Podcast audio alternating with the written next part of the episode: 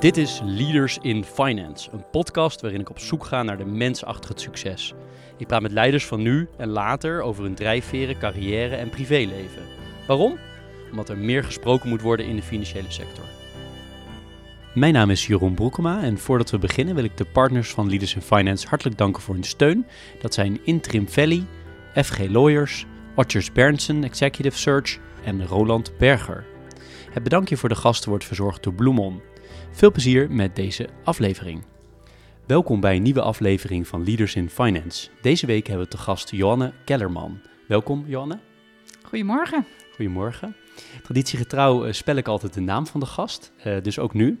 Uh, Joanne is J-O-A-N-N-E en Kellerman is K-E-L-L-E-R-M-A-N-N. Joanne Kellerman is bestuursvoorzitter van Pensioenfonds Zorg en Welzijn. Ze is daarnaast voorzitter van de Raad van Commissarissen van de Nederlandse Waterschapsbank en voorzitter van de Raad van Toezicht Universiteit Utrecht.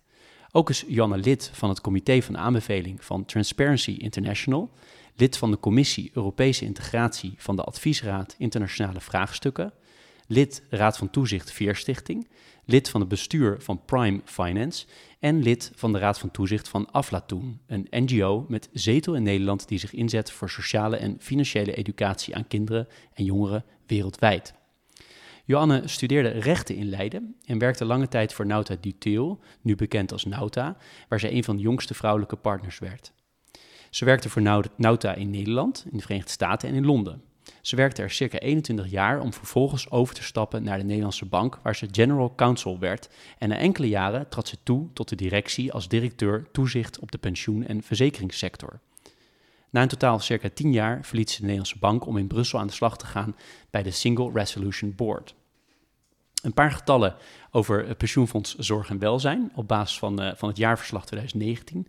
Er zijn in totaal uh, 2,9 miljoen deelnemers van circa 25.000 aangesloten werkgevers.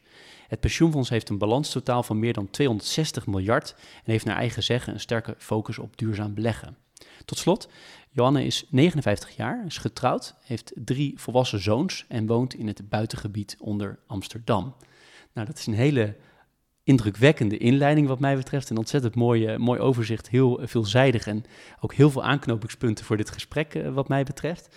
Waar ik eigenlijk, uh, Janne, mee wilde beginnen is jou wat te vragen naar wat meer cijfers en achtergrond bij het, uh, bij het pensioenfonds. Um, en ik ben ook nieuwsgierig hoe dat nou precies zit tussen aan de ene kant het, um, het pensioenfonds zelf en dan de uitvoerende kant. Hoe, hoe werkt dat precies? En, en misschien nog wat meer getallen, zoals ik al zei. Ja, nou je hebt al een heleboel getallen genoemd. Uh, kijk, het is vooral een heel groot pensioenfonds. En het belangrijkste is natuurlijk wat je al hebt gezegd. Het pensioenfonds gaat eigenlijk over alle mensen die werken in de zorg en in het welzijn. Uh, en twee sectoren die dit jaar natuurlijk heel hard getroffen zijn. Hè. Van de mensen in de zorg weten we het. Uh, maar denk ook aan de cultuursector die ook bij ons zitten, de sport. Uh, een aantal uh, dominees, et cetera. Maar om nog even door te gaan op de, op de getallen. Um, uh, die bij een aantal van die grote pensioenfondsen heb je een splitsing hè, tussen het pensioenfonds zelf. Daar ben ik de voorzitter van het bestuur. Dat bestuur bestaat uit sociale partners, zes mensen van werknemerszijde, zes van werkgeverszijde. Uh, en op het bestuursbureau werken eigenlijk maar heel weinig mensen, 25 of zo. Het grote werk wordt gedaan door onze uitvoeringsorganisatie PGGM. Die zit er ook in Zeist, in een ander veel groter pand. En daar werken 1500 mensen.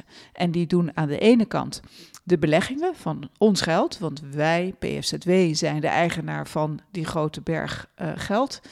Um, die we beheren en beleggen voor onze deelnemers. Uh, en uh, anderzijds uh, doet PGGM ook de uitvoering in de zin van de communicatie, maar ook het innen van de premies en het daadwerkelijk uitbetalen van het pensioen. Want daar gaat het uiteindelijk allemaal om: hè? mensen een goede oude dag te bezorgen. Lijkt me een ontzettende verantwoordelijkheid met zo ongelooflijk veel deelnemers. Nu luisteren veel mensen deze podcast misschien pas veel later, hè, misschien pas over een jaar. Maar dan nog is denk ik het hele corona-verhaal interessant om toch even over te hebben. Want wat voor impact heeft dat nou op jullie? Op, op allerlei niveaus, deelnemers, dekkingsgraden, uh, werknemers. Kan je wat meer schetsen wat ja. voor impact het allemaal heeft? Nou ja, zoals bij ieder bedrijf hè, begon het natuurlijk ook met een heleboel praktische uh, ja, crisismanagementachtige dingen als Wie gaat er naar kantoor, wie niet? Kun je wel hè, van de een op de andere dag helemaal overschakelen op, uh, op alles virtueel, alles werken vanuit huis, et cetera. Nou, ik denk dat uh, net als heel veel sectoren in Nederland, hè, ook deze pensioensector heeft dat gewoon heel goed opgelost.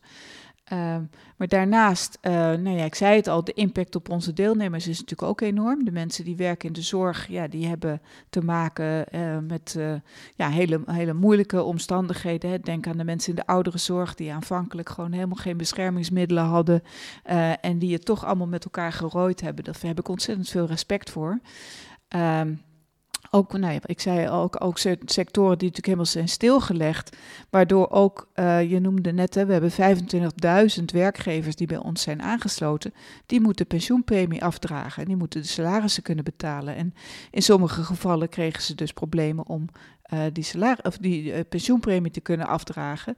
En hebben we betalingsregelingen moeten treffen. nou, derde grote impact is uiteraard ook op onze beleggingen. Uh, we zagen ook, ook eigenlijk een financiële crisis uh, veroorzaakt door deze pandemie uh, in, in het voorjaar van dit jaar. En daar hebben ook pensioenfondsen harde klappen opgelopen.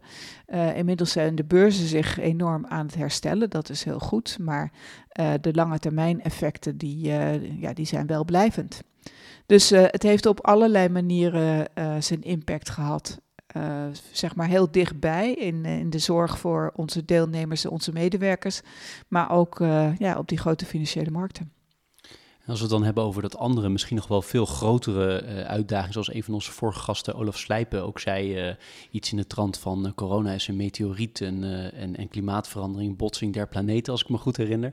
Um, daar staan jullie ook heel erg in de, in de, in de frontlinie volgens mij als het gaat om, om duurzaam beleggen.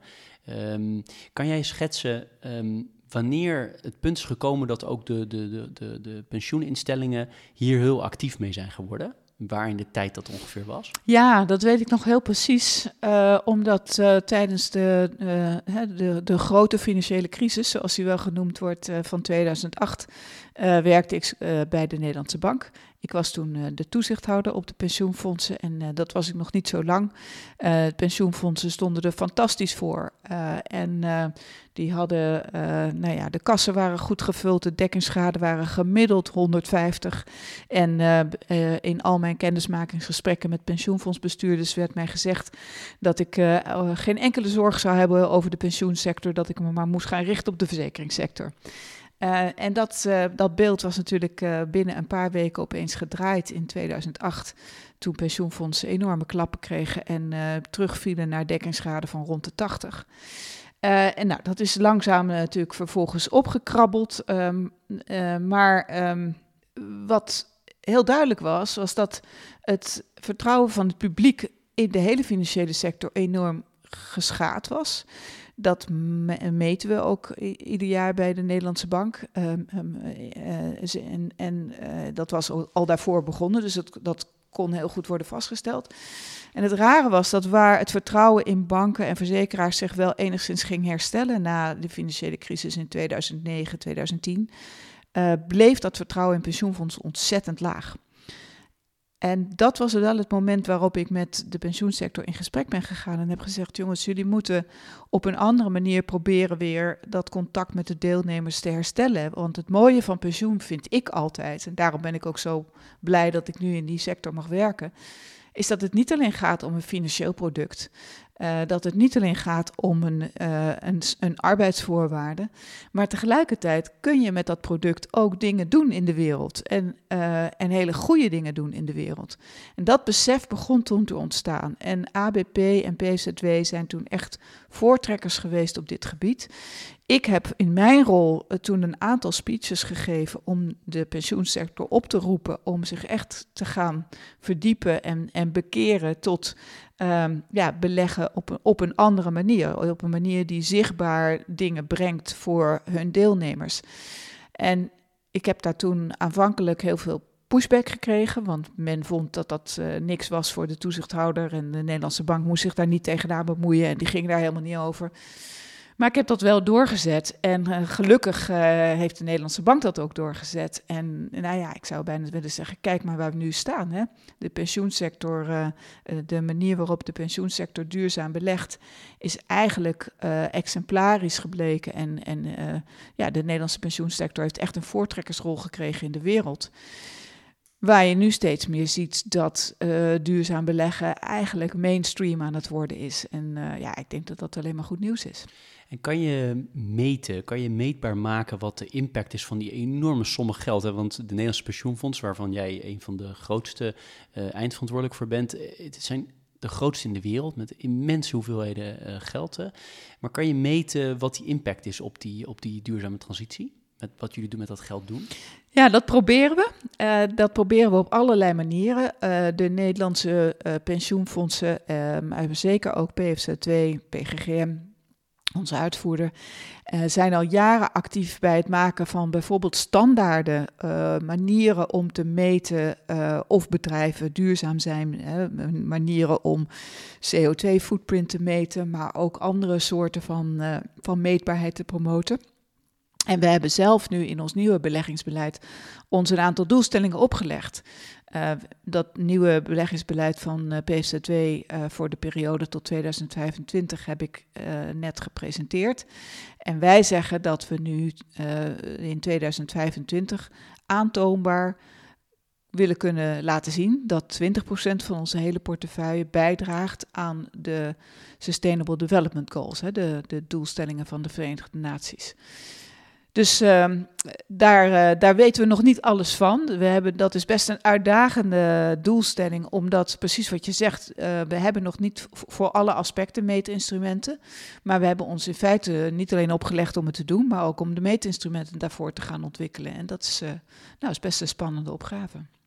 En wat mij filosofisch bijna zou je kunnen zeggen zo, zo ingewikkeld lijkt, is dat zijn miljoenen, letterlijk miljoenen mensen afhankelijk van het pensioen. Hè, voor op het moment dat zij eh, geld nodig hebben en op leeftijd komen.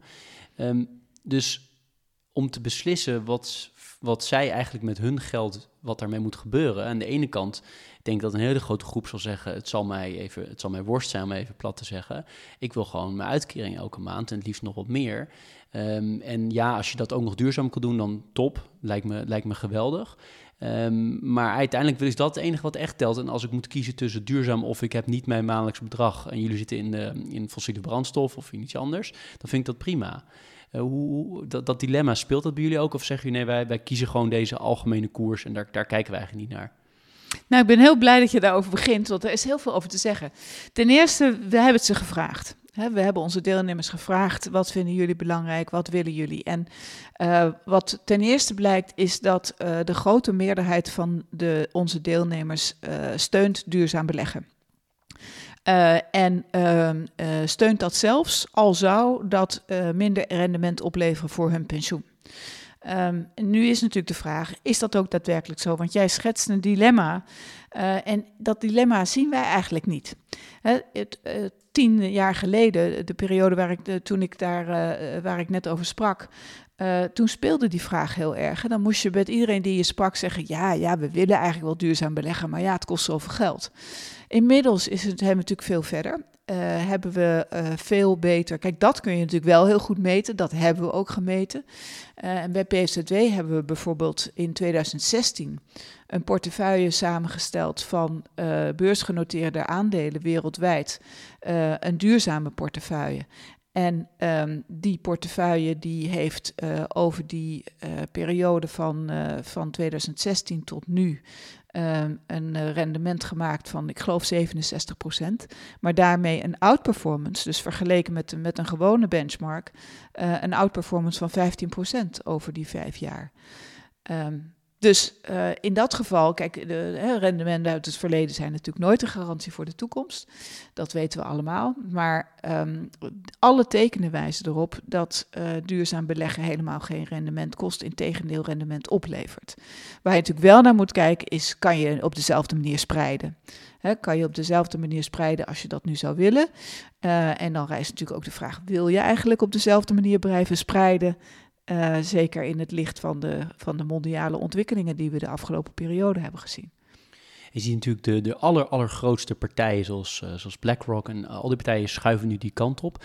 Dan roept dat bij mij de vraag op, is er nog wel voldoende, om, voldoende plek om al dat geld duurzaam weg te zetten? Of zit je op een bepaald moment gewoon aan een, ja, dat er zo'n vraag naar is, dat er gewoon niet voldoende is? En, en zeker als mensen uh, nog kritischer worden op wat duurzaam is. Want er zijn natuurlijk allemaal heel veel grijs gebied daar. Uh, uiteindelijk, ja, niks doen is, uh, niet leven is waarschijnlijk het meest duurzaam wat er is. Dus is er wel voldoende plek om het allemaal kwijt te kunnen? Nou, je moet denk ik inderdaad erg gaan uitkijken dat er niet allerlei duurzame bubbels gaan ontstaan. Dat is een gevaar wat altijd op de loer ligt en daar moet je voor uitkijken. Dat doen we natuurlijk ook. Uh, en vandaar ook dat je heel goed moet uitkijken met uh, hoe strak de targets zijn die je zelf oplegt. want bij ons is het wel zo, en, en dat, hè, dat blijft natuurlijk, en dat, dat um, bij ons staat de, de rendementsdoelstelling voorop.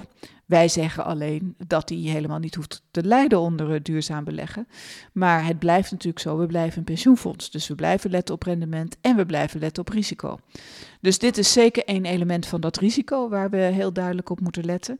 Uh, en tegelijkertijd heb je gelijk als je zegt, um, wij lopen er ook tegenaan dat, uh, dat in sommige categorieën zeg maar, het belegbare universum redelijk beperkt is.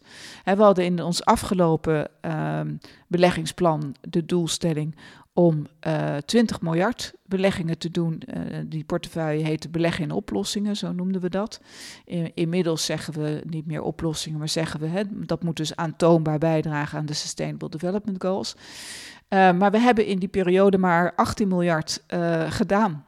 eenvoudigweg omdat we niet de juiste belegbare beleggingen konden vinden die voldeden aan onze criteria. En zo werkt het natuurlijk ook. Als we die niet kunnen vinden, ja, dan, dan doen we het gewoon niet. Het is niet anders. Naast uh, deze twee gigantische onderwerpen, corona en uh, het, het, klimaat en duur, duurzaamheid, uh, welke andere zaken eh, werk je nog aan als het gaat om verandering? Poeh, dat is wel een hele grote vraag voor het pensioenfonds. Ja. Ja, de, een andere grote vraag die het pensioenfonds natuurlijk te wachten staat, is de, de overstap naar het nieuwe stelsel. En uh, ja, dat is natuurlijk een, uh, een, een, de grootste verandering voor ons pensioenstelsel in, sinds de geschiedenis van, van dit pensioenstelsel. en los van dat het een hele grote logistieke en IT-operatie is, is het ook best een onzeker pad. de timing van dat pad luistert heel erg nauw. dus ehm, ja, dat, dat zal ons enorm bezig gaan houden de komende jaren. Nou, en dan zijn er nog een aantal dingen waar we met verandering bezig zijn. In de governance, uh, in de bemensing, uh, noem maar op. Dus uh, ja, het is, een, het is een jaar vol transities. Nee, want ik ging er ook wel een beetje vanuit dat je zou zeggen... het, het nieuwe pensioenstelsel, wat nu de komende jaren natuurlijk geïmplementeerd gaat worden... of nog langer dan jaren. Een hele simpele vraag die ik als burger heb is... Um, wordt het uiteindelijk allemaal minder complex? Het blijft heel ingewikkeld voor iemand die er niet in zit. Denk je dat we dat kunnen stellen? Ik denk dat, het, uh, dat we er veel beter over kunnen communiceren in de toekomst. Uh, of het onder, de motorkap blijft het uh, best complex. Dat komt omdat uh, we. Uh, er zijn twee contracten. Het ene contract is wat, wat meer straightforward. Hè, dat, uh, ze noemen dat het meer individuele contract. Het andere contract heeft meer solidariteit. En solidariteit is altijd ingewikkeld. omdat je ook binnen solidariteit, laat ik zeggen, eerlijk en evenwichtig wil blijven. Dus onder de motorkap kan het best zijn dat dat, dat tweede contract ingewikkeld blijft niet zo ingewikkeld als nu, maar nog steeds best ingewikkeld. Want één ding, eh, één ding is voor mij wel duidelijk, uh, we zullen er veel beter over kunnen communiceren. Omdat er een verband gaat ontstaan tussen hoe gaat het buiten, hè, welk weer is het op de financiële markten en hoe gaat het met mijn pensioen. Dat verband is nu weg, dat verband voelen mensen niet meer en dat leidt tot heel veel onrust en ongenoegen. Als we een draai maken naar, jou, naar jouzelf, kan je iets, wil je iets delen over hoe je bent opgegroeid? Ja, zeker. Ja. Ik, ben, uh, ik heb een uh, hele mooie jeugd gehad. Wij uh, zijn met ons gezin ehm, een aantal keren verhuisd. We hebben altijd in kleinere dorpen gewoond, buiten, zoals ik nu ook weer woon. en um, we hadden een groot gezin voor, met twee meisjes en twee jongens. Ik ben de oudste. Mijn broer en mijn zusje zijn een stuk jonger dan ik. Ehm, we hebben nog steeds heel erg veel contact. En uh, ja, we zijn uh, redelijk onbezorgd opgegroeid. Uh, zij het dat op een gegeven moment mijn vader is overleden. Ik was toen wel al wat ouder. Ik was 17, maar mijn broertjes en zusjes waren nog in de lagere schoolleeftijd. Dus dat was een, een moeilijke tijd, die ons ook wel heel nabij heeft gebracht. En onze moeder heeft op bewonderenswaardige wijze ons verder alleen grootgebracht. we zijn gaan wonen in Den Haag. En uh, iedereen ja, is heel goed terechtgekomen. Dus al met al krijg ik wel met heel veel plezier terug op, op mijn jeugd. Wat zijn de belangrijkste normen en waarden die je hebt meegekregen, die ook vandaag de dag en die misschien ook wel bij je eigen kinderen weer nou ja, over, het voetlicht brengt? Maar wat, wat is het belangrijkste wat, je, wat erin zit? Ja, veel waarden die gingen over, uh, uh, laat ik zeggen, integriteit. En uh, wat, wat, wat, wat, wat hoor je te doen en wat hoor je niet te doen. Mijn ouders um, waren allebei lid van de hervormde gemeente en actief in de kerk, wij ook. Dus ik ben met die kerk opgegroeid. en um, dat gaf natuurlijk een, uh, uh, een zekere structuur. Ze waren ook erg bezig met de ecumene, stelden zich altijd erg open voor andere uh, religieuze denkbeelden en waren daar ook heel actief mee bezig. Dat is iets wat ik ook wel heb meegenomen. ze waren allebei lid van een politieke partij, maar wel een verschillende partij. Dus uh, ik heb ook meegekregen die politieke tolerantie en het debat, uh, wat, uh, wat belangrijk is in het gezin. En ja, eigenlijk stond je, je bijdrage aan de maatschappij, was voor hen gewoon heel belangrijk. En daar hebben ze ook heel duidelijk een steentje aan bijgedragen.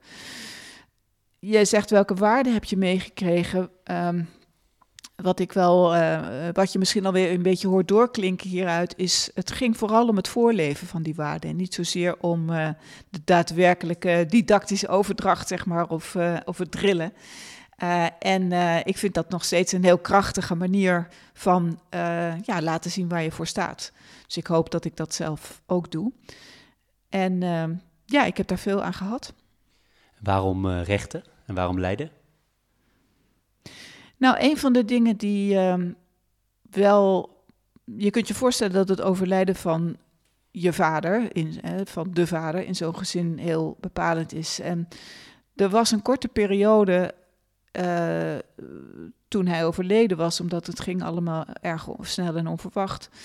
Uh, dat mijn moeder uh, en ik eigenlijk niet wisten hoe wij er financieel voor stonden. En dat was best een, ja, een, een schok. En voor mij is dat wel, denk ik, heel bepalend geweest. Uh, dat ik uh, toen wel heb besloten, dat gaat mij niet overkomen. Ik, één ding, ik zal zorgen dat ik altijd financieel onafhankelijk ben en mijn eigen beslissingen kan nemen. En de rechtenstudie uh, is, um, het was toen een crisisperiode. Het was een moeilijke economische tijd. Dus um, ik wist dat uh, met een rechtenstudie dat je altijd wel ergens aan de slag zou kunnen. Dus dat vond ik belangrijk. Dus ik heb die studie ook snel gedaan, snel afgemaakt uh, en uh, ben eigenlijk vrij snel gaan werken. Omdat ik dat belangrijk vond en omdat ik uh, niet langer op de loonlijst van mijn moeder wilde staan. En wanneer was het moment dat je dacht, ik ga advocaat worden? Ja, dat was het. Eh, dat, dat moment uh, was niet tijdens mijn studie, maar ik had een, uh, een studievriend. Die uh, ging advocatenstage lopen tijdens de studie in Amsterdam. En die zei, joh, dat moet je ook doen, is hartstikke leuk. En toen zei ik van, nou, maar ik weet, ik weet heel zeker dat ik geen advocaat wil worden. Toen zei, had hij een winning argument. Toen zei hij, nou, dan weet je dus dat als je nu niet een tijdje gaat meelopen op een advocatenkantoor, dan zul je dat nooit meer van binnenuit zien. Dat is toch, hè, die kans laat je toch niet lopen. Nou, dat was voor mij eigenlijk uh, uh, de, de, manier om mij over te halen. En ik heb toen stage gelopen uh, op het kantoor van Stibbe aan het Rokin in Amsterdam, boven de sigarenwinkel zaten ze toen nog. En uh, ik, vanaf de eerste dag vond ik het geweldig. Ik wist meteen, dit is het. En ja, zo is het gebeurd. Maar wat was er dan zo specifiek zo geweldig aan? Ik vond de... Wat er heel uniek is aan een advocatenkantoor is... het is een hele platte organisatie. Uh, dus je wordt uh, onder de arm genomen door oudere, meer ervaren advocaten. En de, het is een heel ja, een, een ouderwets opleidingssysteem, maar heel persoonlijk. Maar dat betekent tegelijkertijd ook dat er van iedere leeftijdscategorie een groep mensen is die dezelfde studie heeft gedaan. ja, toen zeker was men natuurlijk nog redelijk gelijk gestemd. Ik kan moeilijk volhouden dat het een diverse groep was. Ehm, maar uh, dat heeft, is natuurlijk wel heel leuk. Dat je, je moet heel hard werken. Uh, het is allemaal spannend, het is allemaal nieuw. Maar je zit met een hele groep leeftijdsgenoten waarbij je te raden kan gaan. Uh, met wie je lief en leed kan delen. en ik vond dat heel mooi. Ik vond dat teamwork gewoon, dat sprak mij enorm aan. Ben je meteen als een echte, wat ze tegenwoordig zouden noemen, Zuidas-advocaat. Maar dat was toen dus niet op de Zuidas. Nee. Um, zo hard gaan werken. wilde je ook echt meteen heel erg bewijzen? Ja, ik denk dat ik wel meteen heel hard ben gaan werken. Uh, dat heeft er altijd al een beetje ingezeten, denk ik. Uh, dus het, ik denk niet dat ik heel veel aanmoediging nodig had van mijn omgeving.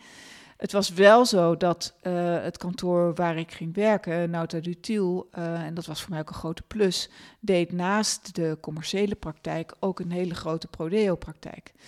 En uh, van de stagiaires uh, werd ook echt verwacht dat ze daarin actief waren. En dat ben ik dus ook jarenlang geweest. Dus ik heb heel veel uh, vluchtelingen bijgestaan in procedures. Ik heb strafpiket gelopen. Dus ik ben veel op de politiebureaus geweest voor mensen die daar opgesloten zaten. Ik heb faillissementen gedaan, nou, echtscheidingen, noem maar op. Dat is ook in een ander interview al een keer naar voren gekomen, dat in die tijd eh, je dus nog veel breder ook in die rechtsgebieden werkt, hè, waar je nu veel specialistischer start.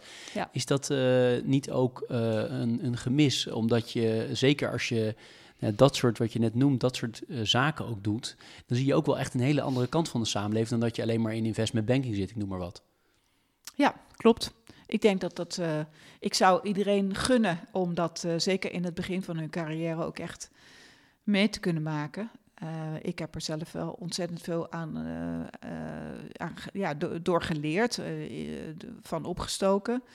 Um, het was natuurlijk, we moeten ook eerlijk zijn, het was natuurlijk niet alleen maar uit idealistische overwegingen van die kantoren. Ze vonden het gewoon wel een mooie pressure cooker om hun stagiaires op die manier, zeg maar, voor toch redelijk hete vuren te stellen. Um, maar het, het, was ook inderdaad, het, het, is natuurlijk ook buitengewoon leerzaam. En het geeft uh, een blik op uh, ja, de andere kant van de maatschappij, die tegenwoordig, denk ik, voor heel veel mensen veel moeilijker ja, te, te, te zien of te, te krijgen is. Je, je vertelde over je, je, nou ja, het algemeen belang in de publieke zaken, even mijn woord hoor, maar dat dat er belangrijke elementen zijn. Um, heb je ooit het idee gehad bij, uh, bij jou uh, in de advocatuur dat je dacht van ik wil eigenlijk toch nog een keer aan de iets minder commerciële kant zitten, um, maar meer in de, in de publieke zaak, wat je ook later bent gaan doen. Maar had je dat tijdens die 21 jaar ook al, of misschien al vanaf jaar 1? Nou, aanvankelijk uh, waren er die Prodeo-zaken. Ik, ik heb in die tijd ook uh, buiten zeg maar, de, de rechtszaal een aantal dingen gedaan in, in het, het vluchtelingenwerk, zal ik maar, maar zeggen. Ook aan, een beetje aan de juridische kant. Dus ik ben al wel vrij snel naast mijn werk uh, ook actief geworden. Ben toen ook uh, in, in, in uh, de, het bestuur van de maatschappij tot bevordering der toonkunst gaan zitten, bijvoorbeeld. Dus de muziek, de cultuurkant. ik heb altijd wel die behoefte gehad. maar ik ben um, heel erg in de financiële sector terechtgekomen van de advocatuur. dus op een gegeven moment was dat, was dat steeds moeilijker te combineren om daarnaast dan ook nog allerlei andere rechtsgebieden te doen. Eh, maar die belangstelling is wel altijd gebleven. Ja. En wanneer komt dan dat moment dat je van binnen voelt, ik, ik wil eigenlijk toch hier een keer weg? Want je was jong partner geworden, je was natuurlijk een van de belangrijke uh, mensen binnen het kantoor. Je, hebt uh, jarenlang in Londen gewerkt, volgens mij ook nog in de Verenigde Staten. Uh, wanneer komt dan dat moment dat je denkt, misschien wil ik toch ook nog wel een keer iets anders? Dat, dat um, gevoel leeft al wel een tijdje, maar dan, uh, uh, ja, dan moet er ook maar net iets gebeuren. Hè? Dan moet er ook maar net iets langskomen waardoor je denkt, ja, dit is, uh, dit is het moment en dit is mijn kans. En zoals je een beetje beschrijft, de drempel om hiermee op te houden was natuurlijk best hoog. ik vond het geweldig wat ik deed. het ging ook goed. Ik had fantastische collega's. En zo'n advocatenkantoor, um, nou in ieder geval bij Nauta, ja, zo'n maatschap, dat is ook wel heel speciaal. Dat heb ik daarna ook nooit meer gevonden. Uh, ik voel me ook nog best verbonden met dat, met dat gevoel en met die mensen. Want het is natuurlijk ook niet niks als je twintig jaar lang opgroeit in zo'n groep met wie je langzaamaan ja, doorgroeit in, de, in de rijen van zo'n advocatenkantoor. Maar toen een van mijn oud-compagnons overigens kwam met het idee van werken bij de Nederlandse Bank, vond ik dat wel ja, een hele mooie kans een hele mooie instelling, ehm, een, een, een, een, cultuur die ook echt gericht is op dat maatschappelijk belang en op de inhoud en de diepte en de lange termijn. En een baan om van te dromen, ja, die hebben ervoor gezorgd. Ik moet ook wel zeggen, het kwam ook op het goede moment, als ik eerlijk ben. Het kwam op het moment dat ik in Londen zat en wist dat ik terugging naar Nederland. Ja, dat is zo'n schakelmoment. Hè? Dan moet je met je hele gezin gaan verhuizen. Dan uh, moet je een nieuw huis gaan zoeken. Dan moet je gewoon gaan bedenken van nou, hoe, zien de komende, hoe ziet mijn komende periode eruit? En dan moet je als advocaat ook vaak opnieuw je praktijk gaan opbouwen en bedenken hoe je dat gaat doen. Dus het was ook wel een natuurlijk moment om uh, een overstap te maken. Maar uh, ja, dat nieuws sloeg ook behoorlijk in. En uh, mijn, uh, mijn, sommige van mijn partners waren niet blij. Anderen waren misschien ook wel een beetje jaloers. Dat weet ik niet. maar voor mij was dat het moment. En de gedachte was toch, toen dit langskwam. ik, deed, ik zat heel diep in de structured finance wereld. Dus ik deed niet alleen securitizations, ik deed CDO's en ik deed CDO's van CDO's. Uh, en uh, ik, eh, bij mij kwam toch wel steeds vaker het besef boven van, ja, als mijn kinderen nou later opgroeien en aan mij vragen, goh mam, waarom was je nou altijd zo hard aan het werken en waar was je nou mee bezig? Om dan te moeten vertellen, ja, ik moest pakketten hypotheken van de bankbalans afhalen en naar een special purpose vehicle overhevelen. Ehm, ja, ik weet niet. Ik vond het niet zo'n goed verhaal zelf. En uh, nou, dan, dan op het moment dat je dat gaat bedenken, dan weet je ook dat, dat, dat, dat het moment is dat je iets anders moet gaan doen. Kan je twee vergelijkingen maken? Eén tussen de Nederlandse financiële of legal wereld uh, en die van Londen. En de andere vergelijking tussen uh, werken voor een advocatenkantoor en werken voor de Nederlandse bank. Ben ik benieuwd naar. Ja. Hebt ze, jij kan ze allemaal belichten. Ja, dus. ja. Nou, zeker in die tijd was, uh, de, was uh, je had het over de Zuidas kantoren en hard werken. Uh, dat gold in Londen echt next level.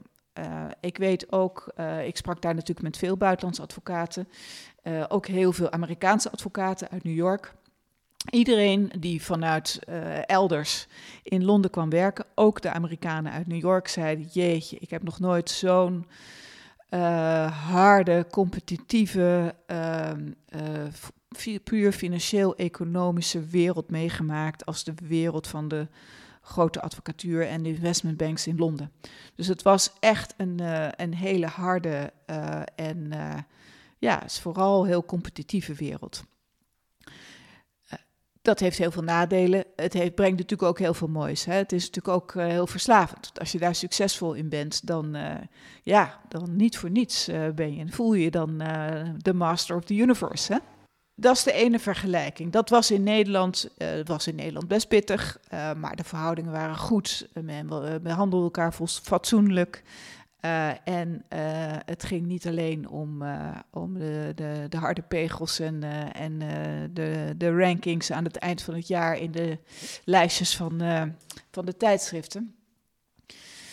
Als ik de wereld van de advocatuur vergelijk, zeg maar met de wereld bij de Nederlandse bank, um, ja, ik weet nog, ik denk dat die vergelijking een beetje mank gaat. Want ik ging um, uh, weg in, uh, in uh, de zomer van 2005. Um, ehm, ja, heel veel van mijn vrienden uit de advocatuur zeiden: Nou, Joanne, ik snap het wel. Je wilt natuurlijk, je wil gewoon wat meer tijd met je gezin doorbrengen. Je wil wat meer rust. En ik begrijp heel goed dat ja, daar een beetje tussen die ambtenaren in het, op het Vredigsplein gaan zitten. Dat is natuurlijk een heel ander leven. Toen kwam ik bij de Nederlandse Bank. En uh, nou, om te beginnen, daar heerst, natuurlijk heerst daar een zekere rust. Het is natuurlijk niet voor niets een instituut met een grote I. Uh, maar tegelijkertijd, daar werd uh, behoorlijk hard gewerkt op een heel hoog niveau. En nou, de, de, kwaliteit van de mensen en vooral de, de bevlogenheid van de mensen is heel opvallend. Um, maar het was eigenlijk al meteen bal vanaf het eerste moment, omdat in 2005 uh, ehm, eh, begon uh, bij de, de, Nederlandse bankkant in ieder geval iets wat later is uitgemond in uh, de eerste eigenlijk hele grote boete voor in, dat, in dit geval ABN AMRO. Ik geloof dat het ging om 250 miljoen. Dat was unheard of. En die boete hebben we opgelegd samen met de, de Amerikanen, dus met de Fed en de Amerikaanse instanties. Nou, je kunt je voorstellen dat als jij de general counsel bent bij de Nederlandse bank, dan ben je redelijk onder de pannen met zo'n zaak. Um, en eigenlijk uh, uh, rolde dat uh, dossier aan, aan onze kant min of meer door in ehm, ja, het begin van de biedingen en later, opbiedingenstrijd en later de opsplitsing van ABN AMRO, die ja, ons als toezichthouder natuurlijk ook zeker een jaar enorm heeft bezig gehouden. En halverwege die biedingenstrijd begon eigenlijk, brak eigenlijk de financiële crisis uit. Uh, nou ja, toen waren we helemaal van de straat. Dus, uh, en, en dat, ik ben eind 2007 dus overgestapt van general counsel naar, naar lid van de directie. En nou ja, zoals mijn kinderen altijd zeiden, prompt daarna blak de financiële crisis uit. Het was wel, zou heel anders geweest zijn als je toen nog in de, in de city had gezeten. Ja, zeker. Dan was je carrière ook waarschijnlijk heel anders gelopen, of niet? Absoluut, ja, ja, ja, ja. Interessant. Ja. En um, uiteindelijk uh, de, de Nederlandse bank ook weer, uh, ook weer verlaten na, na tien jaar. Um, inderdaad, eerst aan de uh, puur legal kant en toen als, als directielid. Um, wat, wat maakte die, die, wat triggerde dat? Ja, ik, je wordt als lid van de directie van de Nederlandse bank benoemd voor zeven jaar. En na die zeven jaar rijst dus de vraag: wil je nog een keer zeven jaar? Uh, of wil je dat niet? En ik had uh, wel zeven tropenjaren meegemaakt met de financiële crisis, de nasleep daarvan. Uh, de Nederlandse bank is natuurlijk ook volledig gereorganiseerd. Het hele toezicht is gereorganiseerd. En de hele directie is gewisseld. Hè? Want in 2011 um, ehm, is uh, uh, Nout Welling uh, met pensioen gegaan. onze andere collega Henk Brouwer ging ook met pensioen. Lex Hoogdan ging weg. Dus ik was het enige overgebleven directielid en een hele nieuwe directie trad aan. Met Klaas Knot en de, en de zijne. En nou, die transitie heb ik natuurlijk helemaal meegemaakt en begeleid. Ik heb de hele cultuurverandering binnen de Nederlandse Bank geleid. Nou, al die, die processen waren eigenlijk afgerond en in een, in een weer nieuw vaarwater gekomen. En eigenlijk was mijn gedachte, ja, ik, ik denk niet dat het nog een keer zo spannend en exciting wordt als het uh, de afgelopen zeven jaar is geweest. Als ik nog een keer iets anders wil gaan doen, dan moet ik dat nu doen. Dus dat heb ik uiteindelijk besloten. En toen kwam al vrij snel uh, de, de, Single Resolution Board in beeld. En toen ben ik daar naartoe overgestapt. Heb je bepaalde mensen gehad, ehm, met of zonder naam, maakt helemaal niet uit. Maar het gaat met name om het, het verhaal die jou echt heel sterk beïnvloed hebben of jou een bepaalde richting in hebben geduwd tijdens je carrière? Ja, zeker. Uh, ik noemde net al hè, dat, uh, dat uh, systeem van, van stagiaire patroon wat je in de advocatuur hebt, is, is een fantastisch systeem. En nou, niet alleen mijn, twee patroons, Kees Mout en Huip van Everdingen, maar ook best een aantal mensen om hen heen. Uh, ja, daar heb ik veel van geleerd en veel van opgestoken. Ik wou dat ik kon zeggen dat ik uh, een aantal vrouwelijke rolmodellen had uh, in die tijd. maar daar was eigenlijk een groot gebrek aan. En dat is, um, nou ja, dat is nu hopelijk anders. Um, Niettemin um, vond ik het wel bijzonder dat zij zich wel als zodanig ook hebben opgesteld. En nooit het idee hebben gehad van, nou, je, hè, jij bent een vrouw, daar heb ik niet zoveel verstand van. Integendeel. Toen ik bij de Nederlandse Bank kwam, uh, was Nout Welling natuurlijk ook heel belangrijk. Hij was natuurlijk de belangrijkste figuur binnen die bank, maar heeft mij ook enorm geholpen bij de overstap. Dat was natuurlijk toch best een overstap. En hij heeft ook het vertrouwen in mij gehad om mij lid te maken van die directie. En nou, daar heb ik uh, daar heb ik altijd veel respect voor gehad, want dat is een bijzondere beslissing. Hij zegt altijd uh, dat het belangrijk is om zo nu en dan een uh, kredietbeslissing te nemen. Nou, ik weet niet of ik een kredietbeslissing was, maar hij is zelf natuurlijk ook al op heel jonge leeftijd heeft hij enorm hoge banen gehad en hij heeft, is dat zelf later ook wel blijven doen hele jonge mensen die getalenteerd zijn naar boven halen. En uh, dat uh, vind ik eigenlijk ook wel een mooie. Dus daar, daar, uh, daar neem ik wel een voorbeeld aan. Heb je werkelijk in je hele carrière nooit een vrouw gehad waarvan je dacht, zo dat onderdeel of dat zo wil ik dat ook doen? Als ja, misschien wel op onderdelen, maar, maar niet iemand werkelijk dichtbij met, die, die, die ook een soort mentor is geweest. ik heb dat zelf wel altijd gedaan bij, bij vrouwen om me heen.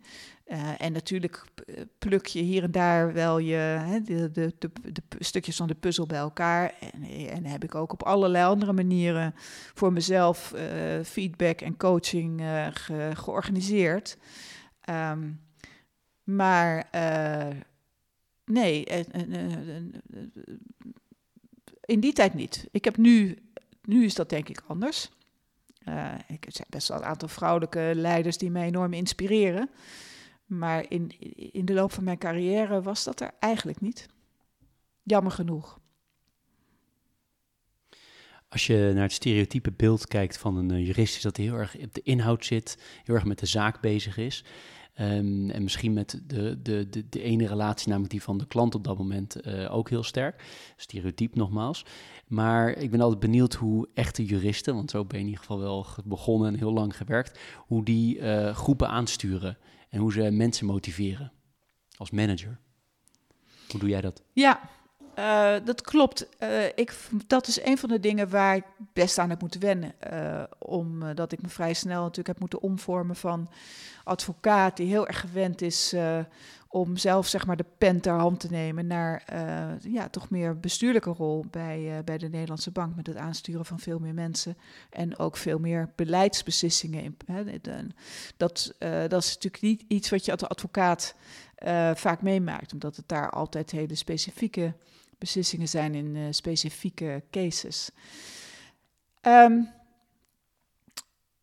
ja, ik denk dus uh, dat ik wat ik heb meegenomen uit de advocatuur is toch het aansturen van professionals. Dat is waar het in beide gevallen over gaat. Ik heb eigenlijk altijd alleen maar in kennisorganisaties gewerkt. Dat is toch anders dan werken in organisaties uh, met, ja, met heel veel verschillende opleidingsniveaus of uh, ja, organisaties die geen kennisorganisaties zijn. En ik denk dat in een, uh, bij het aansturen van professionals, uh, ja, dat kan je alleen maar goed doen als je toch ook een zeker gezag vanuit de inhoud hebt. Dat betekent niet dat je zelf de beste deskundige hoeft te zijn op alle dossiers waar het om gaat. Maar het is denk ik wel belangrijk dat je je sporen hebt verdiend en dat je in staat bent om waar nodig ze nu en dan toch een deep dive te maken. Nou, dat is iets, dat leer je natuurlijk als advocaat, leer je als geen ander, hoe je je snel kunt inwerken in verschillende onderwerpen. En dat heb ik ook altijd heel leuk gevonden en dat doe ik nog steeds. Uh, dus dat, uh, dat is denk ik een, uh, een belangrijke. Um, nou, het andere is, noemde ik net ook al hè, vanuit, vanuit mijn jeugd. veel is natuurlijk ook gewoon voorbeeldgedrag. Laten zien ja, hoe je de dingen wel doet en hoe je de dingen niet doet. Uh, en op die manier uh, uh, ja, duidelijk zijn en, en, en ja, dat, dat ook communiceren. Ander onderwerp wat ik graag met je wil bespreken, en waar ik ook naar uitzie om je te vragen, is Um, in de voorbereiding uh, zag ik onder andere een, een, een, speech van jou waar je het had over de schrijver Stephen Green en zijn boek Good Value.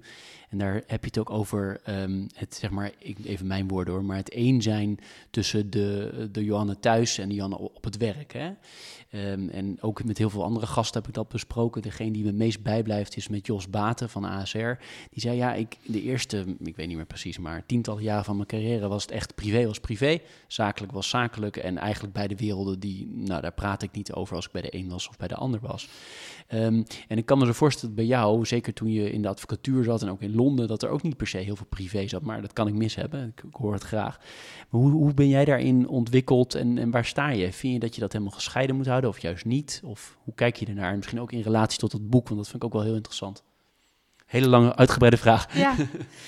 Ja, nou, ik denk dat het bij mij misschien wel een beetje vergelijkbaar is gegaan. Ik denk dat ik vroeger inderdaad veel meer uh, de, uh, belangrijk vond om uh, de privéwereld en de zakelijke wereld te scheiden. en ik noemde net ook al hè, de, zeg maar de, de verslavende werking van die red race en van de ene deal naar de andere en de ene zaak binnenhalen en de talloos veel miljarden die je dan kon bijschrijven op je konto. Um, ik, wat mij betreft heeft dit, dit, boek heeft mij wel echt de ogen geopend. Uh, en dat komt doordat, uh, ja, ik denk iedereen, maar zeker ik, uh, na de financiële crisis bij zichzelf te raden is gegaan van hoe heeft dit nu kunnen gebeuren en wat, wat hebben we niet goed gedaan. Want ik, ik, ik ben, heb toch, toch ook deel uitgemaakt van die wereld. En als je dat, daar deel van uit hebt gemaakt, dan draag je daar ook verantwoordelijkheid voor. En dan is het ook je taak om na te denken over de vraag: wat is hier niet goed gegaan en wat kan ik daaraan doen? En voor mij is inderdaad dit inzicht wel heel belangrijk geweest. Dat het, Stephen Greens schrijft over um, de, de compartimentalisering van uh, mensen met name in de financiële sector, want, want, daar gaat dit boek dan over. Uh, mensen die, uh, als ze bijvoorbeeld met hun, hun kindje op het sportveld staan, heel goed in staat zijn om de regelen van fair play uit te leggen. En hun kinderen ook geen enkele moeite hebben om hun kinderen de juiste normen en waarden mee te geven.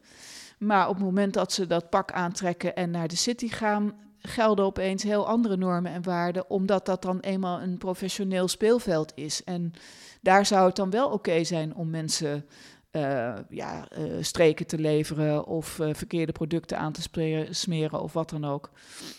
En dat, um, ja, ik vond dat wel een heel mooi inzicht. Dat het aanbrengen van die enorme scheiding tussen werk en privé dit gevaar in zich bergt. Dat vind ik iets heel anders dan de vraag of je voortdurend op je werk over privé praat. Of daar heeft het minder mee te maken. Maar um, het, het gaat om, ja, wat, wat neem je mee van thuis of, of wat laat je thuis als je naar je kantoor gaat. En het is eigenlijk heel raar om daar een onderscheid tussen te maken. Ja, want heb je dan ook wel uh, gezien in, uh, misschien in de city zou je het meest voor de hand liggende plek zijn, maar misschien ook hier in Nederland, dat er ook mensen waren die juist wel tegen dat systeem ingingen. Uh, wat, waarvan natuurlijk iedereen, ja, dat is natuurlijk toch een, een, een tijd, denk ik, voor 2007, 2008. Um, dat ja, zolang, uh, zoals Nout Welling geloof ik ook zei, zolang de muziek blijft spelen, uh, ging het goed. Maar het ging natuurlijk een keer, iedereen voelde ook wel ergens aan, het kan niet goed blijven gaan. Maar waren er, heb jij ook in je periode ook zeg maar, mensen gehad die er wel tegen ingingen? Of die wel zeiden, dit gaat helemaal de verkeerde kant op? Niet dat ik me kan herinneren. Uh, ik, ik, nee, ik geloof het niet. Je zat erin. En ja, dan waren de, de, de, rewards waren natuurlijk ook zo groot. Dat, um, dat, dat als je aan de, aan, de, aan de inside zat, good for you. En ja, als je aan de outside zat, dan was het het idee toch een beetje van ja, dan ben je toch een beetje een loser. Hè? Zo, dus die scheiding was heel sterk. Um, het was in Londen ook erg voelbaar. Ik weet nog dat um, uh, ik zat. Uh, uh, ik, mijn kinderen zaten op school. Op een school waar de ene helft kinderen Engels was en de andere helft expat. Um, en um, ik stond ze nu en dan natuurlijk, dan willen ze aan de poort om de kinderen op te halen. En dan had je van die gesprekjes met andere ouders. En op een gegeven moment uh, vroegen, uh, toen we onze kinderen ophaalden, ik geloof voor de kerstvakantie in, in het jaar uh, eh, 2003, vroeg een van de moeders, um, komen jullie terug naar de kerstvakantie? en vervolgens vroeg een andere moeder, zien we jullie weer in het volgende jaar? En ik had er nou eigenlijk nooit, nooit zo bij stilgestaan. Maar um, het was zo dat uh, ja, in die, in die expat community, als je je baan verloor, verloor je eigenlijk ook meteen je huis en het geld om de school van die kinderen te kunnen betalen. Want dat werd natuurlijk allemaal door de bedrijven die die mensen uitzond betaald. En ehm, ja, mensen konden. Het, gebeurde dus echt met grote regelmaat dat mensen op, op een notus van twee weken te horen kregen van nou, het is afgelopen, kom maar terug. Of het is afgelopen, ga maar weg, blijf maar weg. En uh, dat merkte je dus uh, in de klassen en bij de vriendjes uh, van de kinderen. Dus het was wel heel tastbaar. en ja, dat gevoel van onbehagen waar ik over had, wat mij ook wel bekroop in die tijd, daar, daar, is in die tijd wel de basis voor gelegd. Ja. Als je nu kijkt naar je carrière tot op heden, waar, waar ben je nou echt het meest trots op? God, daar heb ik eerlijk gezegd nog nooit zo bij stilgestaan. Ik, ik weet niet of ik daar nou echt mijlpalen in kan aanwijzen. Ik denk wel dat ik uh, veel energie heb gekregen van een aantal verandertrajecten die ik heb gedaan. Uh, dat zijn natuurlijk van die dingen waar je heel erg in moet geloven. Uh, en waarvan het dan ook heel mooi is als je mensen daarin meekrijgt. En ja, als je vervolgens ziet hè, dat, dat, dat de ingreep goed is geweest. Um, maar ik, uh, ik kan moeilijk zeggen die en die transactie. nee, zo werkt het niet. Nee. We hebben bij uh, Leaders in Finance ook altijd een teaser en een pleaser. Um, de pleaser is altijd dezelfde. En aan de teasende kant heb ik opgeschreven Het zit ook heel erg in lijn met uh, de vraag voor deze vraag. Uh, namelijk um, echt goed doen voor de samenleving, hoe je dat dan ook definieert, is uiteindelijk toch makkelijker in een semi- of helemaal publieke sector dan bijvoorbeeld in de advocatuur of in de financiële, uh, bij een financiële instelling. Ben je het daarmee eens? Ik ben blij dat je niet meteen antwoordt, want mijn teasers zijn niet altijd teasen, maar deze teast geloof ik toch een beetje, dus dat is wel, dat is wel goed. Ja, dus jij zegt eigenlijk van nou, lekker makkelijk. Uh, nou, ik zeg eigenlijk, het is makkelijker in de, in de semi-publiek. Het is makkelijker om goed te doen, hoe je het dan ook definieert. Als je bij de Nederlandse bank werkt, bijvoorbeeld in jouw geval, of bij een publieke instelling, dan dat je in een, uh, in een bank zet, om maar even plat te zeggen, of in een advocatenkantoor. Ik weet het niet. Ik denk, eh, nu wel, dat denk ik wel. Maar ik denk dat je niet moet onderschatten uh, hoe snel de maatschappij verandert.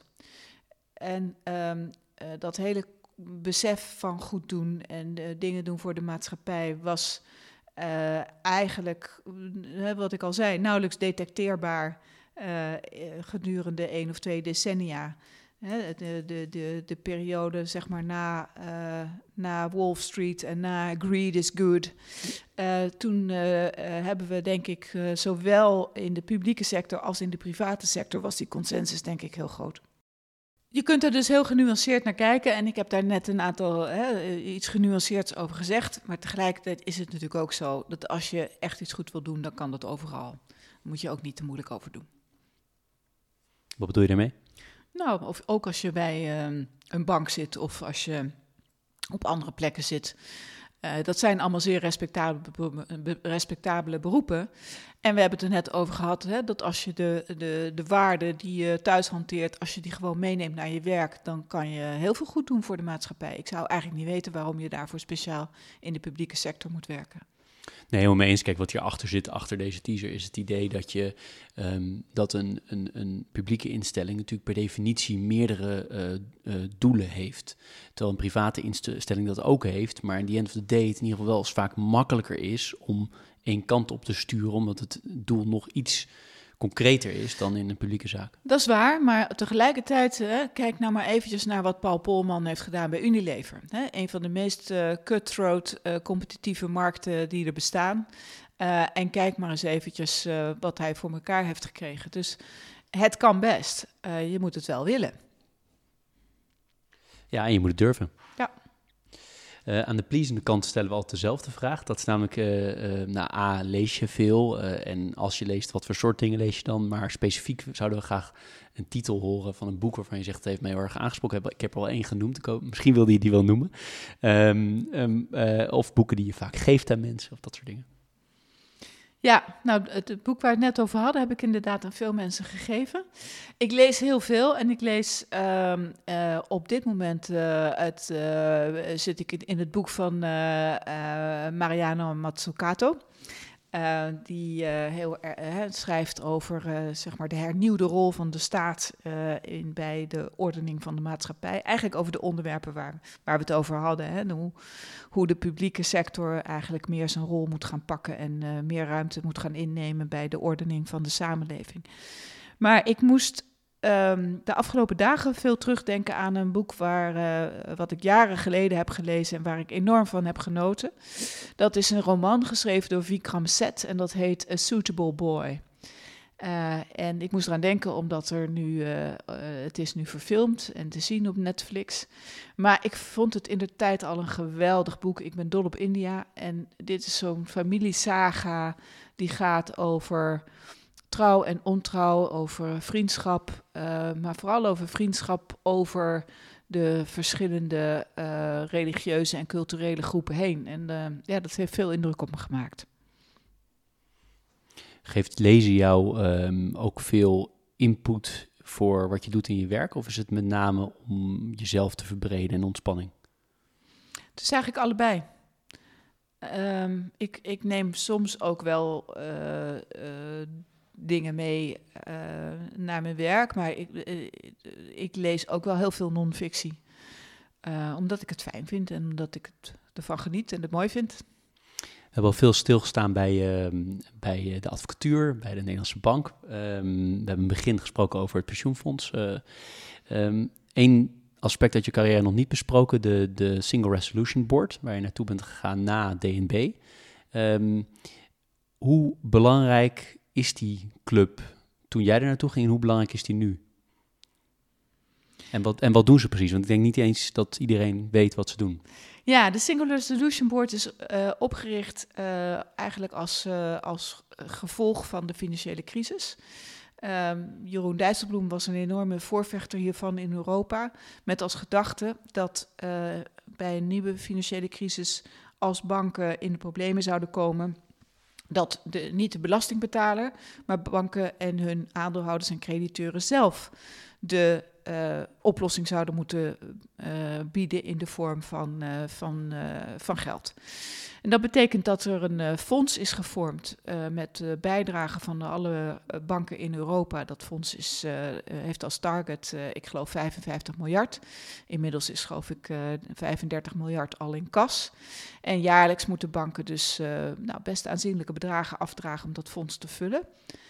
Daarnaast moeten banken een, een afwikkelingsplan hebben. En het is dus de gedachte dat als een bank echt in de problemen komt, dat de aandeelhouders eigenlijk worden afgestempeld, maar ook de achtergestelde crediteuren. En dat is een, naar mijn idee een, een heel mooi systeem om ervoor te zorgen dat, ja, dat in de toekomst we niet nog een keertje hè, als belastingbetaler hoeven bijspringen voor banken. Je kunt je voorstellen dat er ook een enorme preventieve werking van uitgaat. En ik denk dat dat is wat we de afgelopen jaren hebben gezien. Ten eerste hebben banken sowieso hun buffers enorm moeten bijspijkeren en uh, is dat denk ik heel goed gelukt. Ten tweede uh, is uh, ja, de dreiging van zo'n afwikkeling natuurlijk behoorlijk disciplinerend. en ten derde denk ik dat het heel zinvol is dat alle banken veel betere crisisplannen en afwikkelingsplannen hebben gemaakt en veel beter zijn gaan nadenken over de vraag ja, hoe moet dat eigenlijk in crisistijd en hoe zitten we eigenlijk in elkaar? Voor mijzelf was het ja, toch wel een beetje een, uh, een, een, een, oude jeugddroom om ooit eens een keer in een internationale organisatie uh, te werken. Uh, deze organisatie is eigenlijk opgericht hè, binnen het eurosysteem, dus door de landen van de eurozone, maar wel onder de vleugels van de Europese Commissie. En het was natuurlijk heel fascinerend, omdat toen ik kwam, was er letterlijk alleen een board van zes leden uit zes verschillende Europese landen. Met twee stafmedewerkers. En we hadden een aantal oude bureaus gekregen van de Europese Commissie, een aantal afgeschreven computers. Dat was het. En toen ik wegging, zaten er 330 mensen drie jaar later. Uh, en het was, uh, ja, het was wel hard werken, want uh, toen we dus begonnen met die oude bureaus en die zes mensen, acht maanden later werden we verantwoordelijk voor het crisismanagement voor alle banken in Europa. En ik had in mijn portefeuille alle Duitse en alle Italiaanse banken. Ehm, nou, kan je vertellen dat ik uh, best wel lange dagen heb gemaakt in Brussel. Ja, dat was wel spannend. Dat is wel een interessant uh, bruggetje naar uh, een, um, het onderwerp van hard werken. Want volgens mij, waar je ook hebt gezeten, heeft er gewoon heel veel werk moesten verzet worden. Of het nou bij Nederlandse Bank was, nu bij pensioenfonds of, en, deze dingen ook weer. Overal moest je toch veel uren er ook in steken. Um, hoe manage je dat met je privéleven? Want dit lijken allemaal ook nu weer, je doet ontzettend veel dingen. Hoe combineer je dat allemaal? Ja, ik denk dat ik dat al heel snel heb geleerd. Hè. Uh, dus het zit er ook een beetje in. En het is ook natuurlijk een beetje toeval geweest. Hè. Ik, ik, heb iedere keer uh, bij, bij een stap uh, kwam, was er al vrij snel daarna een crisis aan de orde. Dus ik denk dat dat ook een beetje toeval is geweest. Maar hoe ik dat manage, ja, dat is natuurlijk gewoon een beetje een kwestie van trial and error. en um, dat is ook een beetje een kwestie van geven en nemen. Uh, het is ook een kwestie van uh, een partner hebben hè, die, uh, waarmee, waarmee, je dat uithoudt en waarmee je samen die balans kunt vinden en elkaar daarin ook een beetje scherp houdt. en wat voor mij ook wel belangrijk is, ik heb eigenlijk altijd mensen om me heen gehad om, ja, om over dit soort dingen, over andere dingen waar ik tegenaan loop, te sparren. ik heb al jaren een, een intervisiegroep met een aantal topvrouwen. En uh, ja, dat soort dingen zijn wel belangrijk. Je moet wel zorgen dat je, dat je jezelf voedt en dat je uh, zorgt dat je, ja, dat je, je je eigen feedback inbouwt, omdat je anders uh, snel aan jezelf voorbij loopt. En voor wat betreft feedback en ehm, tegenspraak organiseren, zijn kinderen natuurlijk onverslaanbaar. Hè? en betekent het ook in privé heel veel dingen uitbesteden? Ja, zelfs zeker. Ja, dat, uh, dat helpt natuurlijk ook altijd. Uh, en uh, dat, in Londen en in, in New York zie je dat natuurlijk ook meer om je heen dan, dan we in Nederland gewend zijn. Maar ja, dat, dat, ook. Ja. Als je kijkt naar al die werelden, hè, of het nou nu je de, de pensioenwereld is, of bij de Nederlandse Bank, of in de advocatuur, of bij de Single Resolution Board, wat was nou uiteindelijk het meest spannend, ingewikkelde? Nou, ik denk dat het eh, dat um, meest uh, bepalende en misschien ook wel het meest angstige toch wel de, de weekenden zijn geweest in het heetst van de financiële crisis. Uh, de, de weekenden in Brussel rond Fortis. Omdat toen echt het financiële systeem op zijn grondslagen stond te trillen. Niemand wist hoe het zou aflopen en of het goed zou aflopen. En uh, dat zijn toch wel bange uren geweest. Uh, en um, ik denk dat we toen uh, nog steeds, daar ben ik ervan overtuigd, dat we een bijzondere prestatie hebben neergezet. Uh, met we bedoel ik de, de, de, top van Financiën en de Nederlandse Bank, maar ook andere autoriteiten. Iedereen heeft eigenlijk op dat moment zijn rol goed gepakt. En op die manier hebben we het financiële systeem erdoor weten te slepen. Maar dat waren wel bange uurtjes zo nu en dan. Ja, dat kan me voorstellen. Um, op dit moment heb je ook een hele um, reeks aan dingen die je naast uh, pensioenfonds zorg en welzijn doet. Wat, uh, waarvan je in het voorgesprek zei, dat is wel mijn hoofdtaak. Daar ben ik wel de meeste tijd mee kwijt. Um, en een van die dingen wil ik eruit pakken. En dat is, als ik het goed uitspreek, Aflatoon. Ik noemde het al in de, in de inleiding. Um, kan jij iets meer vertellen over hem? Want ik moet je eerlijk zeggen, ik kende ze niet. En dat, toen ik de website ging bekijken, dacht ik, nou, ik had ze best kunnen kennen. Er veel bekende mensen zijn erbij betrokken. Het is groot. Uh, maar misschien kan jij er wat meer over zeggen. Ja, zeker. Ja. waarom ik Aflatoon doe, is misschien goed om ook even te vertellen. Omdat ik heb na um, de Single Resolution Board uh, een hele tijd gehad om na te denken, want dan heb je een afkoelingsperiode. En uh, dan ga je een beetje terug naar, uh, naar je bronnen en ga je bedenken van wat, wat wil ik nu met de rest van mijn leven doen. En bij mij kwamen daar eigenlijk twee dingen bovendrijven. De twee dingen waarvan ik het het belangrijkste vind om daar een bijdrage aan te leveren. En de ene is nou, daar hebben we het eigenlijk al een beetje over gehad. De, de klimaat, de wereld en, en dan meer specifiek, hè, wat kan finance, wat kan de financiële sector daarin betekenen? Nou, daar, daar kan ik gelukkig bij PFZW, ja, vind ik daarin echt een, een, een thuis. Maar het andere is het belang van, van democratie en van de open samenleving. En de beste manier om daar een bijdrage aan te leveren, naar mijn idee, is onderwijs.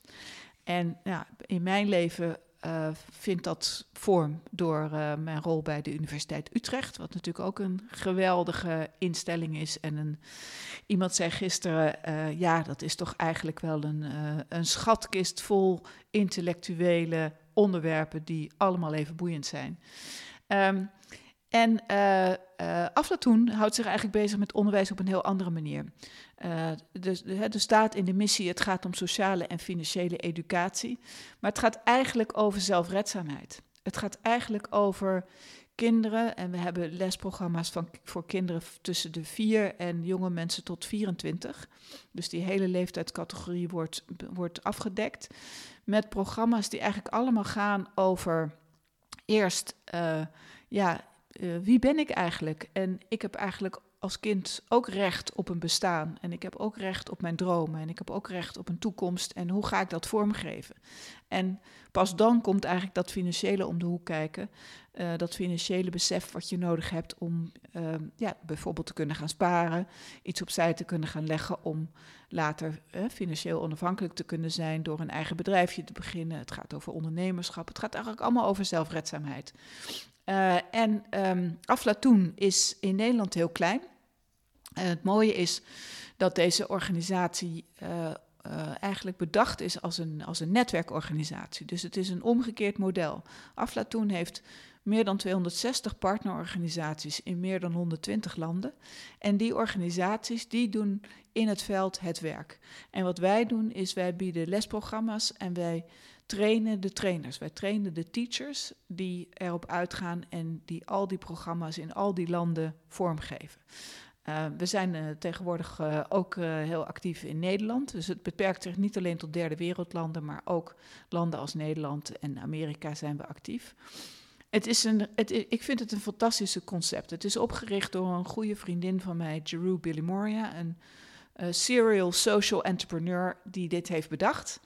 En uh, ja, het is, een, uh, het is een heel mooi concept waarmee we inmiddels uh, eh, 10 miljoen kinderen per jaar bereiken.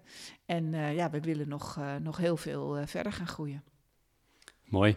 En wat is uiteindelijk jouw rol? Is het puur de toezichthoudende rol? Of is het ook, denk je, ook mee in het, in het beleid van deze, deze club? Ja, we waren nogal uitvoerend bestuur, maar we hebben ons omgevormd om klaar te zijn voor de toekomst tot een raad van toezichtmodel. Dus dat is iets meer op afstand. Maar ik ben nog steeds wel uh, behoorlijk uh, uh, betrokken bij het rijlen en zeilen. En dat vind ik ook heel erg leuk. Leuk, leuk om te horen. Tot slot afrondend, um, of richting de afronding. Um, je, we hadden het al even over werk-privé managen met, met, met zoveel verschillende dingen waar overal heel veel moet gebeuren. hoe zorg je dat je fysiek en mentaal fit blijft? Wat doe je eraan? Of... Goeie vraag. Vroeger deed ik er veel te weinig aan. Uh, maar in mijn sabbatical ben ik uh, veel fanatieker gaan sporten en gaan bewegen. En, uh, en letterlijk in de tuin gaan werken tijdens het gardening leave.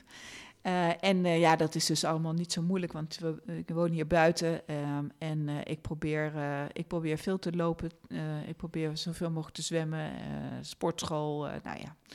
de bekende dingen. Geen, ik heb geen geheim recept. Je zult er gewoon tijd voor vrij moeten maken en het gewoon gaan doen. En mentaal? Mentaal, um, nou, uh, uh, met name het buiten zijn en het tuinieren is voor mij eigenlijk mentaal de beste manier om uh, ja, de zinnen te verzetten en zen-momentjes in te bouwen. Daar geniet ik ontzettend van.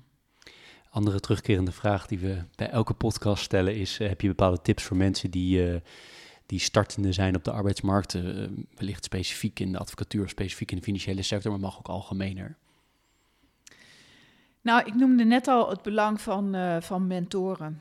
Uh, dus als, als, je, uh, als het niet voor je wordt georganiseerd, organiseer dan voor jezelf Ehm, mensen waar je, waarvan je denkt, daar kan ik wat aan hebben en uh, daar, uh, daar kan ik mee vooruit. Uh, wat dat betreft, hè, je hoeft dus niet te wachten tot het ideale rolmodel voorbij komt. Ja, als ik in die tijd Christine Lagarde had gekend, dan was ze dat misschien voor mij geworden. Maar ja, zo was het nou één keer niet. Dus je kunt je rolmodellen overal opzoeken. Uh, dus dat is één ding. En het andere is, um, ik denk dat uh, uh, zo'n zo'n zo'n intervisie-steungroep van gelijkgestemden heeft mij ook ontzettend veel gebracht. En dat wens ik iedereen toe. Mooi. Voordat ik afrond, ehm, is er nog iets waarvan jij zegt, Jeroen, dat had je echt moeten vragen? Of dat is iets wat ik heel graag nog wil delen? Ja, ik wil eigenlijk nog één ding zeggen. We hebben het al een paar keer gehad over de veranderingen die, uh, die we nu zien in, uh, in de maatschappij. Uh, interessant in dat verband bijvoorbeeld is The Economist, hè, een blad wat toch altijd een voorvechter is geweest van de, laat ik zeggen, de financiële economische theorie. Zelfs dat blad is bij, ter gelegenheid van zijn 100-jarig bestaan uh, omgegaan en heeft gezegd: we zijn daarin doorgeslagen en we moeten kijken naar een andere manier van samenleven en naar een andere uh, manier van, uh, van leidende principes in de economie.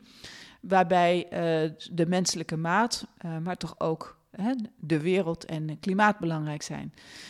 Die tekenen zie je nu overal. Ik zag gisteren Gutierrez, de secretaris-generaal van de Verenigde Naties, in bewoordingen die ik nog nooit van enige secretaris-generaal van de Verenigde Naties heb gehoord, pleiten voor, uh, voor het klimaat, voor een echte omslag en voor een echte reset. Ik hoop zo ontzettend dat we uh, deze periode van uh, reflectie en van ingetogenheid rond, rond corona echt zullen benutten om het straks anders te gaan doen en om onze wereld op een betere manier vorm te gaan geven. Want ja, we hebben niet zoveel keus, denk ik. Nou, dat roept toch nog een kleine vervolgvraag op. um, in eerdere afleveringen, onder andere met, uh, met Leonie Scheven, uh, vroeg ik: um, Denk jij nou persoonlijk dat een echte verandering voor het klimaat en überhaupt voor zeg maar, een duurzame samenleving met de natuur, noem ik het maar even, met, met ons hele ecosysteem waarin we leven op aarde, dat een echte shock, die we ook in het, in, met name in het rijke deel van de wereld echt voelen, dat dat nodig is om ons tot daadwerkelijke verandering aanzetten? Of denk je dat wij nu dermate op de goede weg zijn? Uh, en er moet natuurlijk nog heel veel gebeuren, maar dat we het wel nou ja, weten te, te keren. En toen zei zij, ik zal dat er gelijk bij vertellen, zij zei ja, ik ben toch bang dat er nog wel echt heel iets, nou ja, in mijn woorden hoor, don't quote me, maar nog wel iets echt iets heel ergs moet gebeuren uh, voordat we echt wat gaat, uh, echt gaat veranderen, voldoende. Zij weten veel meer van. maar ik heb, uh, ik heb wel groot vertrouwen in uh, de nieuwe generatie. Ik denk wel echt dat ik een heel ander uh, tijdperk heb meegemaakt dan het tijdperk van nu. En ik, als ik om me heen kijk, dan, uh, dan vind ik het ontzettend hoopgevend. Hè, voor jonge mensen is dat hele idee van uh, uh, de scheiding van werk en privé en de scheiding van werknormen en privénormen is helemaal geen issue. Hè, ze weten niet waar je het over hebt als je daarover begint. Zij staan gewoon anders in de wedstrijd en dat vind ik ontzettend hoopgevend. Ik, ik vind het jammer dat wij, uh, mijn generatie, er niet in zijn geslaagd om de wereld uh, beter door te geven dan we hem hebben aangetroffen. We hebben ons op andere dingen gefocust, denk ik. Mensenrechten, democratie. Daarin is ook een hoop verbeterd. Dat moeten we ook niet vergeten. Maar uh, op het gebied van klimaat hebben we het natuurlijk gewoon niet goed gedaan. En is, is actie echt geboden. Uh, ik weet het niet. Ik, ik, hoop dat we die schok niet nodig hebben. Ik hoop dat we echt nu uh, uh, richting de reset en building back better kunnen gaan. Het is een mooi genuanceerd einde, waar ik me volledig in kan vinden, trouwens. Um, met dank aan het uh, online uh, bloemenbedrijf uh, Bloemon krijg je zo een, een, bedankje voor je alle tijd die je hebt genomen voor Leaders in Finance. Waarvoor heel veel dank. En met name heel veel dank voor het open gesprek en je ontzettend interessante inzichten. Zowel zakelijk als privé en alles daartussenin. Veel dank. Graag gedaan. Dank je. Dit was Leaders in Finance. Veel dank voor het luisteren. Ik hoop dat je ervan hebt genoten. Voordat we afsluiten zou ik je willen vragen als je feedback hebt om deze te delen met mij via een Apple of Google review, via de social media kanalen of natuurlijk direct per e-mail. Ik kan het altijd enorm waarderen als mensen dat doen. Tot slot, ik dank mijn partners voor hun steun. Dat zijn Interim Valley, FG Lawyers, Otjes Berndsen Executive Search en Roland Berger.